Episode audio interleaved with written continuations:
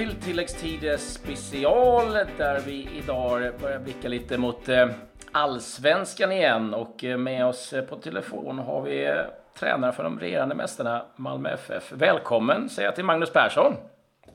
Tack så mycket. Ja, eh, kanske inte så mycket fotboll just nu. Det har varit lite eh, skidor för din del några dagar om jag förstått saken rätt Magnus. Ja, det stämmer. På väg hem från, sitter i bilen på väg hem från, från Idre. Så det har varit en vecka här uppe. Sista, sista semestern innan vi börjar på måndag. Ja, ni har haft ledigt ett tag. Går det liksom släppa fotbollen helt? Har du blivit bättre på det eller är det en drog som finns där hela tiden? Eh, jo, men det går att släppa. Eh, men som du säger, sam samtidigt så är det ju det är ju liksom den stora hobbyn och passionen man har i livet också. Så, att, ehm, så även om eh, man, jag har liksom kunnat släppa under de här eh, veckorna vi har varit lediga, har i perioder kunnat släppa liksom, ja, tankar på just vårt arbete i MFF så, så intresserar mig ju fotbollen och på det sättet att man, man kan ändå se matcher eller man kan fundera på saker som, eller man läser saker som ändå man känner det här, att det här kanske skulle kunna göra oss bättre och och mitt jobb bättre och sådär. Så, att, ehm, så det är väl en sån där eh, kombination av att man inte vill gå helt på, på eh, helt semester eller tankemässigt inte tänka alls och, och att man ibland väljer att göra det. Så att, ehm, jag tycker jag har en bra, bra balans på det där. Det har ju varit eh, mycket kring Malmö FF. Då har det liksom inte varit mycket om själva spelet utan det som sker vid sidan av. Jag vet att ni har fördelning att det är Daniel som tar hand om det som kommer in och ut och sådär. Men eh, du har ju givetvis haft eh, bra koll på det. Det är ju ingen överraskning för dig. Men eh, hur ser du på att det liksom återigen, liksom kanske under sommaren, är en stor omsättning? Nej, men det är väl klart att vi hade hoppats eh, att eh, det inte skulle bli eh, fullt lika stor omsättning. Eh, det är klart att eh, att Anders Christiansen lämnar hade vi ju verkligen hoppats att han skulle vara kvar och, och även hade vi stora förhoppningar kring eh, Erdal Rakip att, att vi skulle få behålla honom ett tag till. Eh, men också har vetskapen liksom funnits om, eh, om att det, det, skulle kunna bli exakt så här. Så att vi är inte överraskade på något sätt och det har gjort att vi ändå har kunnat eh, ja, titta på alternativ och sådär. Så att eh, Eh, nu kan man säga att nu blir det ju ett antal väldigt viktiga spelare som inte var med 2017 som, som ska ersättas och, eh, och det kommer vi lösa. Men det, det, är klart att vi på det sättet behöver eh, repetera eh, saker ännu fler gånger än vad vi hade behövt eh, om de hade alla varit kvar. Det är klart att vi kunnat eh, börja på en, på en högre nivå och inte repetera de grunderna lika, lika intensivt som vi får göra den här försäsongen nu då. Ja, hur, hur som, i ditt arbete, liksom, hur, hur påverkar det här? För att det, liksom, det är klart att du kan kanske liksom gå in och fintrimma på mer detaljer med de du har haft länge och kanske lite stora penseldrag med de andra. Är det lite så det känns? Jo, men så är det. Eh, men sen ska man ju ändå, tycker jag, vara, eh, se positivt på det på det sättet att eh, jag var ny tränare för ett år sedan och då skulle jag lära känna 20-25 spelare och de skulle framförallt förstå mig mm. och, och, och, börja liksom tänka, tänka eh, de idéer jag har som tränare. Och nu är ju det ändå på, i alla fall på två tredjedelar av de spelare vi har, även de som kommer i somras, så är det på plats. Liksom. Så, att, eh, så att på det sättet är vi ju, en, vi är ju ändå längre fram med eh, med mig som tränare och, och de idéer som finns för laget nu än vad vi var för ett år sedan. Så att, eh, så, men som du säger, det är ju en mix av att eh, ändå stimulera de som har varit med och att fortsätta de som behöver inte älta alla, alla grunder med de som har varit där. Men samtidigt ska vi ha med alla, alla på båten. Så, att, eh, så det, man får hitta, hitta en mer individuell approach där till, till de som kan mer eller, eller mindre. Blir, blir man stressad som tränare? För jag menar, kravbilden på dig, den kvarstår ju. När den kvarstår, mm. säkerligen. ja. eh, men blir man liksom, finns det en stress någonstans? Liksom, jag menar, Christiansen, det är Rakip, eh, vi liksom pratar också Berget, eh, Tinnerholm som har försvunnit. Eh, Eikrem, jag vet inte om han kanske figurerar så mycket som de övriga. Det är ändå som en rejäl stomme som ni tappar. Mm. Nej, men det är väldigt, väldigt skickliga spelare som vi har blivit av med. Men jag tycker de, de vi har plockat in um, hittills uh, är också väldigt skickliga spelare. Så att jag tycker att vi har hittills lyckats väldigt bra. Sen har vi väl något kvar då, för att uh, vi ska känna oss uh, helt, helt trygga och att vi känner att vi har en lika stark trupp som för ett år sedan. men men vi, vi kommer ju definitivt hamna där. så att det är inte... jag känner mig inte stressad så jag tycker den stora skillnaden för, för oss i år är ju, är ju att vi har en ja, knappt sex veckors försäsong jämfört med förra året när vi hade 12 veckor. Um, å andra sidan så var den, kändes den väldigt, väldigt onödigt lång förra året för vi inte hade något gruppspel i kuppen Så att, um, jag tror att det är bara positivt. Det, men det är klart, när man suttit den här veckan som jag har gjort och suttit och planerat vad vi ska fylla våra träningspass med de här sex veckorna så, så ser man ju att man får um, man måste kanske ha ännu större tillit till att, eh, till att ehm, eh, ja, välja ut ett antal få so färre saker och att eh, lägga tid på dem. Och sen så är det ju elitspelare, väldigt duktiga spelare vi, vi, vi, jobbar med så man behöver inte nöta igenom alla olika principer och så grunder vi har utan vi får det kommer, det kommer på köpet för att spelarna kan mycket redan. Då. Men det är klart, det, det, krävs att man prioriterar för så många pass har vi inte under de här sex veckorna. Varför har ni valt att eh, eh, gå ner så pass mycket tidsmässigt då? Eh, nej, men det är väl mer att vi är ett gruppspel i Svenska cupen. Det var så jag menade. Att, okay. eh, att, eh, att eh, förra året var vi inte det och då hade vi ju ja, 12 veckor. Nu är det sex, knappt sex veckor till första gruppspelsmatchen. Och vi, vi har ändå valt att tydligt se att eh, vår försäsong slutar, eh, slutar eh, fyra dagar innan, innan gruppspelet i cupen börjar. Sen är vi inne i tävlingssäsong. Sen är det klart att vi de sex veckorna vi har till Allsvenskan börjar från att grupp, eh, kuppspelet har börjat så är det klart att vi kommer, precis som vi fortsätter hela året, försöker fortsätta utveckla oss och bli bättre. Men det blir ändå fokus på mer tydligt mot nästa match och försöka vinna den. Och, och i det försöker vi också utveckla vårt spel. Men jag tycker ändå det är en viktigt statement att göra att, att försäsongen slutar då fyra dagar innan kuppen börjar. Så att sen, sen ska vi tävla och vinna fotbollsmatcher. Du, eh, du kom ju till en, en, ny klubb, en ny miljö i, i fjol. Vad, vad känner du själv att du lärde dig under fjolåret? Um, ja, um, jag, det jag såg fram emot inför året och hoppades skulle bli verklighet, det var ju att få vara med och, och känna på hur det är att eh, vinna de flesta matcherna vi spelar. Eh, det var ju liksom en tydlig förutsättning för att, eh, för att kunna få behålla jobbet och för att eh, uppfylla de målsättningar som finns. Så, så att, det var ju den liksom, eh, ja, jag hade den bilden att det var det vi skulle göra, men jag har inte jag upplevt något år som spelare och, och, det enda året egentligen som tränare där jag vunnit så mycket var med Sirius 2006 när vi gick upp i, till Superettan från division 1. Annars har jag liksom varit mer sådär att man, man vinner en och man spelar en oavgjord och man förlorar en ungefär. Liksom. I, mm. I snitt har det varit så på andra ställen. Um, och nu skulle man vinna uh, ungefär två, minst två utav tre matcher. Då. Um, och det det, det gör ju att man, eh, man märker alltså att vinna gör ju att man bara vill vinna mer hela, hela tiden. För den är så oerhört skön. För man känner att eh, utvecklingen går snabbare för, eh, för alla. Både som lag och individuellt för att man hela tiden bekräftar att man är, att man är bra och att man är bättre än de man spelar mot. Så att, eh, alltså, att, att få uppleva det och bevisa det för, för mig själv att, eh, att jag kunde vara med och tillsammans med andra klara av det. Det är nog det Alltså, nu vet jag hur det är eh, på riktigt eh, som, som tränare. Och det, så det är nog den största lärdomen. Sen är det klart att eh, många väldigt... Ehm, eh, vad ska man säga? Jag har fler spelare det här året än jag någonsin har haft, alltså förra året, som är så duktiga och så professionella och så... Eh, dri, alltså, delar den typen av känsla själv Eh, och det finns ju några fantastiska karaktärer där, liksom med, ja, kanske framförallt vår kapten Rosenberg, men ett antal till som är helt grymma i det.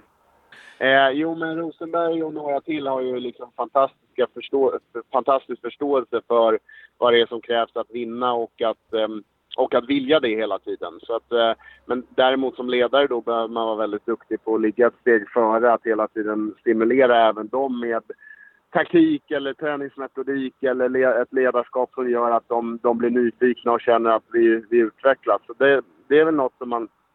Ja, jag vet inte om lära sig är rätt ord, men man har, eh, det har varit viktigt, eh, viktigt att göra det hela tiden. Och det, det funkade bra 2017. Ja, då måste det ändå vara som väldigt skönt för dig som tränare att, att Rosenberg då valde att köra ytterligare ett år för att då han sätter någon slags norm i ett omklädningsrum. Ja, eh, det kändes fantastiskt när han tog det beslutet i, i somras. Eh, jag hade nog inte ho riktigt vågat hoppas på det faktiskt. Eh, eh men eh, det gjorde han och man kan ju säga nu med backspegeln när man tittar i backspegeln nu så är det klart att det beslutet var ännu viktigare med tanke på, på att eh, det blev av med flera väldigt liksom, starka karaktärer och duktiga spelare nu inför 2018 som vi inte visste det i somras att vi skulle bli av med. Så att, eh, det var väldigt, väldigt viktigt och väldigt bra för oss. Det har skett en del förändringar i ledarstaben också. Hur, hur är upplägget nu?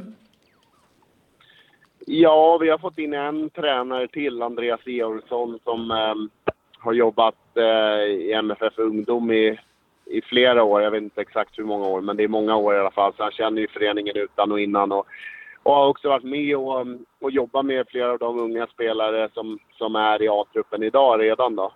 Um, men han ska göra oss främst bättre på två sätt. Då. Dels ska han ta, ta extra ansvar och att, att eh, följa de här som kommer upp nu. Vi har ju rätt, vi har sex stycken, eh, sex eller sju eh, lärlingar i A-truppen nu inför nästa år. Eh, så framförallt de, men även de yngre som, som är redan i A-truppen, yngre spelare, ta ett extra ansvar för dem att i både träning och återkoppling och, och försöka snabba på den processen till att göra dem eh, mer konkurrenskraftiga. Så det är väl den ena delen. Och det andra är att han är väldigt eh, analytiskt duktig och väldigt liksom bra i, eh, i de tekniska hjälpmedel vi, vi redan använder oss mycket av med, med video, statistik och sådär. Där, där Jens eh, Fjällström drar ett stort lass idag och nu får han en, eh, en till med sig där som gör att vi kan eh, för hela laget bli ännu skickligare och vad ska jag säga, frekventa i vår återkoppling till spelare. för vi, vi tror och jag tror att jag hade en stor ambition med det när jag kom in som vi fick vi tog, vi tog en, ett klart steg framåt från vad MFF hade gjort tidigare i individuell utveckling och individuell återkoppling förra året, men kunde inte nå ja, medvetet kunde vi inte nå så långt med dem vi var. Nu får vi en resurs till och det, det tror jag kommer vara en framgångsfaktor för oss i år att, att skynda på utvecklingen av laget och, och dess individer för att vi, det vi gör utanför plan blir ännu skarpare och ännu mer frekvent. Om man tittar på detaljer, jag vet att man ofta man hela tiden som vill förbättra både sitt försvarsspel och sitt, sitt anfallsspel. Men om, om, man plockar ut någonting, ni var det laget som gjorde flest mål i Allsvenskan, det var bara AIK som släppte in färre. Men liksom, var, om du tittar, liksom, vad känner du att det här vill jag liksom lägga än mer fokus på i vårt spel? Nej, men först och främst så, så, när vi gjorde vår utvärdering, ehm, alla ledare och spelare 2017, så slog vi fast att vi, som du säger, vi var rätt bra på, på det vi hade jobbat med, det vill säga vårt pressspel var, var väldigt bra. Ehm, vi kunde i princip eh, på olika sätt, för vi var ju väldigt, ehm, hade en stor variation i hur vi pressade. Vi pressade utifrån det som passade mest mot mot den motståndare vi mötte. Så vi hade rätt många olika sätt att göra det på. Eh, men hade stor effekt i det. Eh, både återövring, direkt återövring men också en oftast hög eller medelpress. Så att eh, fortsätta lägga mycket tid på det. För att det gjorde att vi kunde ta bollen ungefär på det sättet vi ville. Och därför kunde vi också ha runt 60 bollinnehav, vilket var vårt snitt förra året. Då. Eh, så det blir en viktig del, att fortsätta dominera matcher för att vi kan ta bollen. Ehm, och det andra som jag tyckte vi, vi utvecklade mycket, det var ju en förståelse för en, en liksom flexibel positionering på plan utifrån motstånd som gör att vi skapar övertag i dem, och, ja, numerärt övertag eller att vi skapar en mot en situationer för de spelare vi vill göra det. Eh, och där spelarna blev mer och mer... Eh, det ändrade ju rätt mycket mot i MFF hade man som i många svenska klubbar valt en, en organisation, oftast 4-4-2 och sen så um, det är bra på det medan vi förra året var väldigt, väldigt dynamiska i hur vi liksom flyttade vår positionering på spelare och gjorde det svårt för motståndare. Så att, det är det vi ska göra 2018 också och jobba vidare med de två delarna. För det krävs väldigt mycket jobb att, att få spelare att eh, förstå nyanser eh, mell mellan matcher och under matcher och sådär. Eh, och sen skulle vi väl vilja addera nu i år att vi eh, ännu, ännu vassare i våra offensiva omställningar. Där känner vi att vi har väldigt mycket fart och, och spelare som är tekniskt skickliga på att ta sig ur press. Så att bli ännu, ännu bättre där, även om vi var rätt okej okay förra året.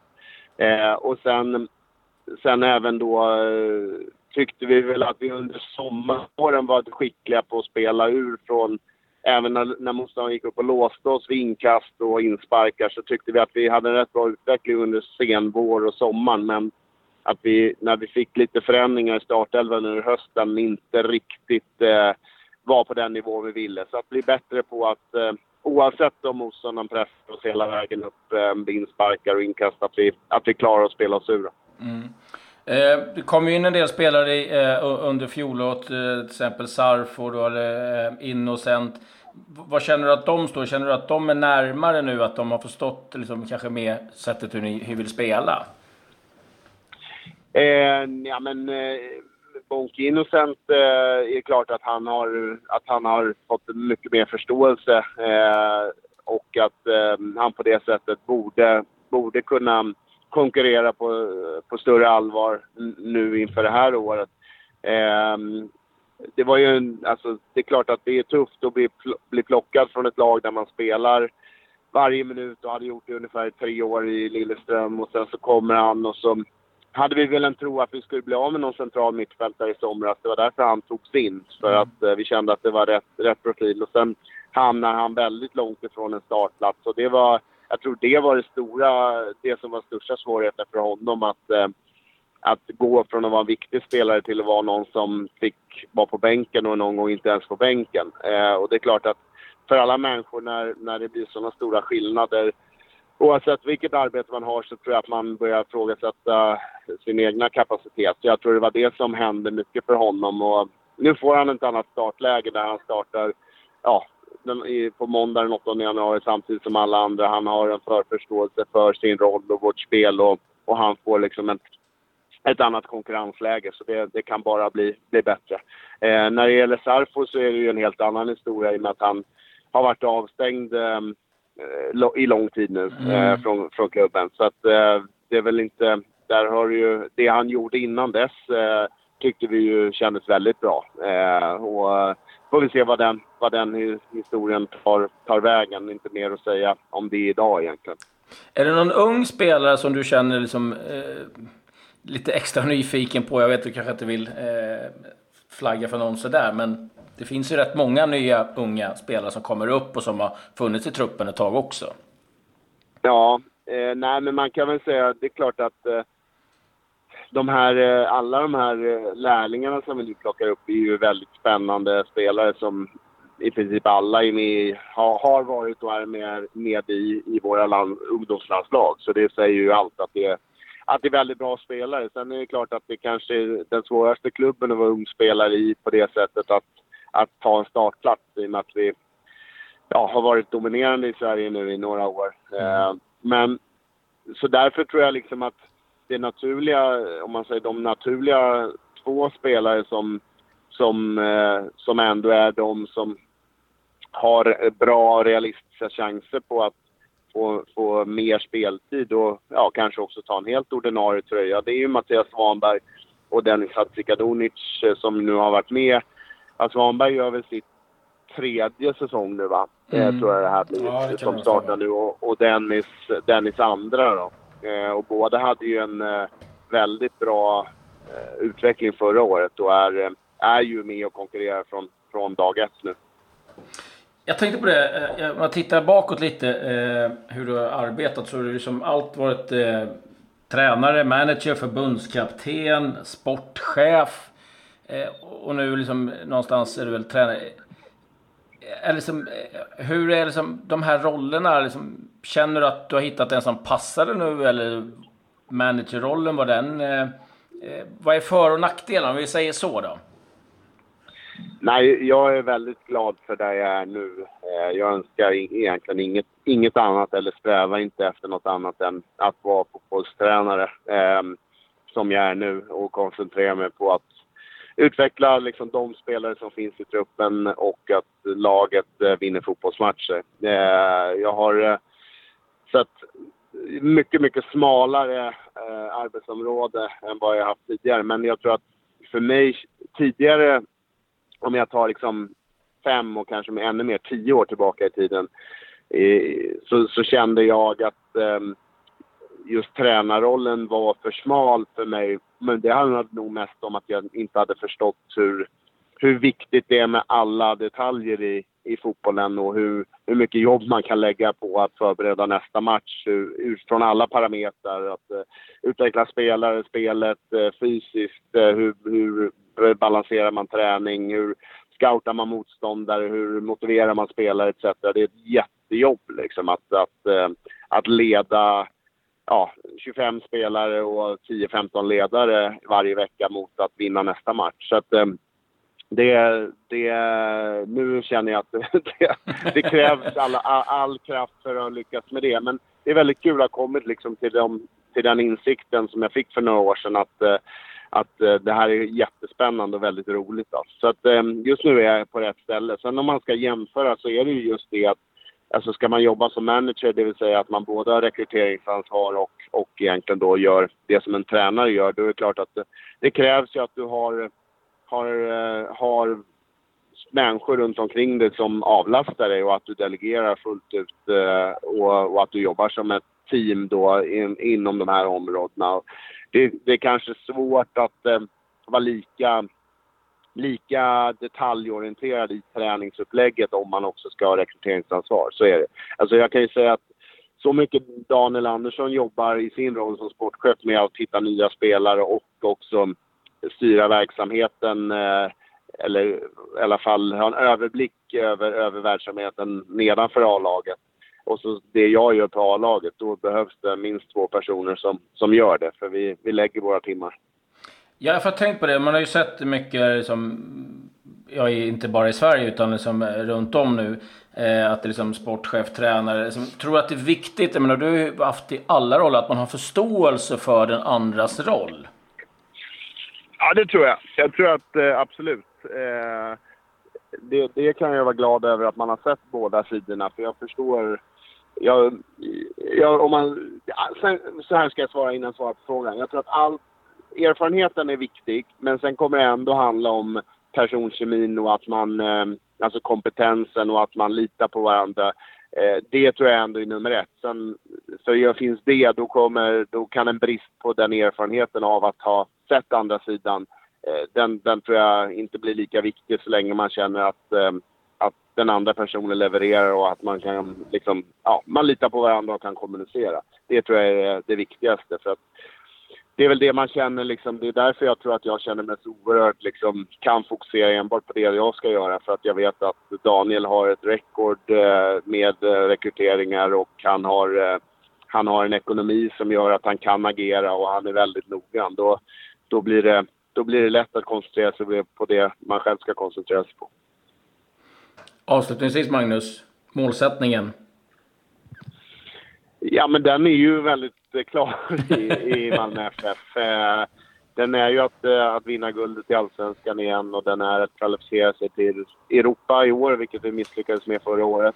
Eh, helst Champions League såklart. Det, det är målsättningen idag i och med att det är det vi ska kvala till. Och så eh, finns det ju en, en bakdörr där med Europa League om vi inte skulle nå Champions League, men det, det, tänker vi inte på nu. Och sen, sen är det ju så att MFF har ju inte haft någon bra historia i, i kuppen. Jag tror att det är 89 senast man vann kuppen och nu har vi chansen igen. Så, att, eh, så målet är såklart är att vinna det också. Sen, eh, eh, så, så målsättningen och ambitionsnivån är, är tydlig. Den är som vanligt i Malmö FF med andra ord? Ja, så är det. Så får vi se om vi, om vi lyckas med, med alla tre. Det, det går vi för. Härligt. Stort tack Magnus. Ja, tack tack.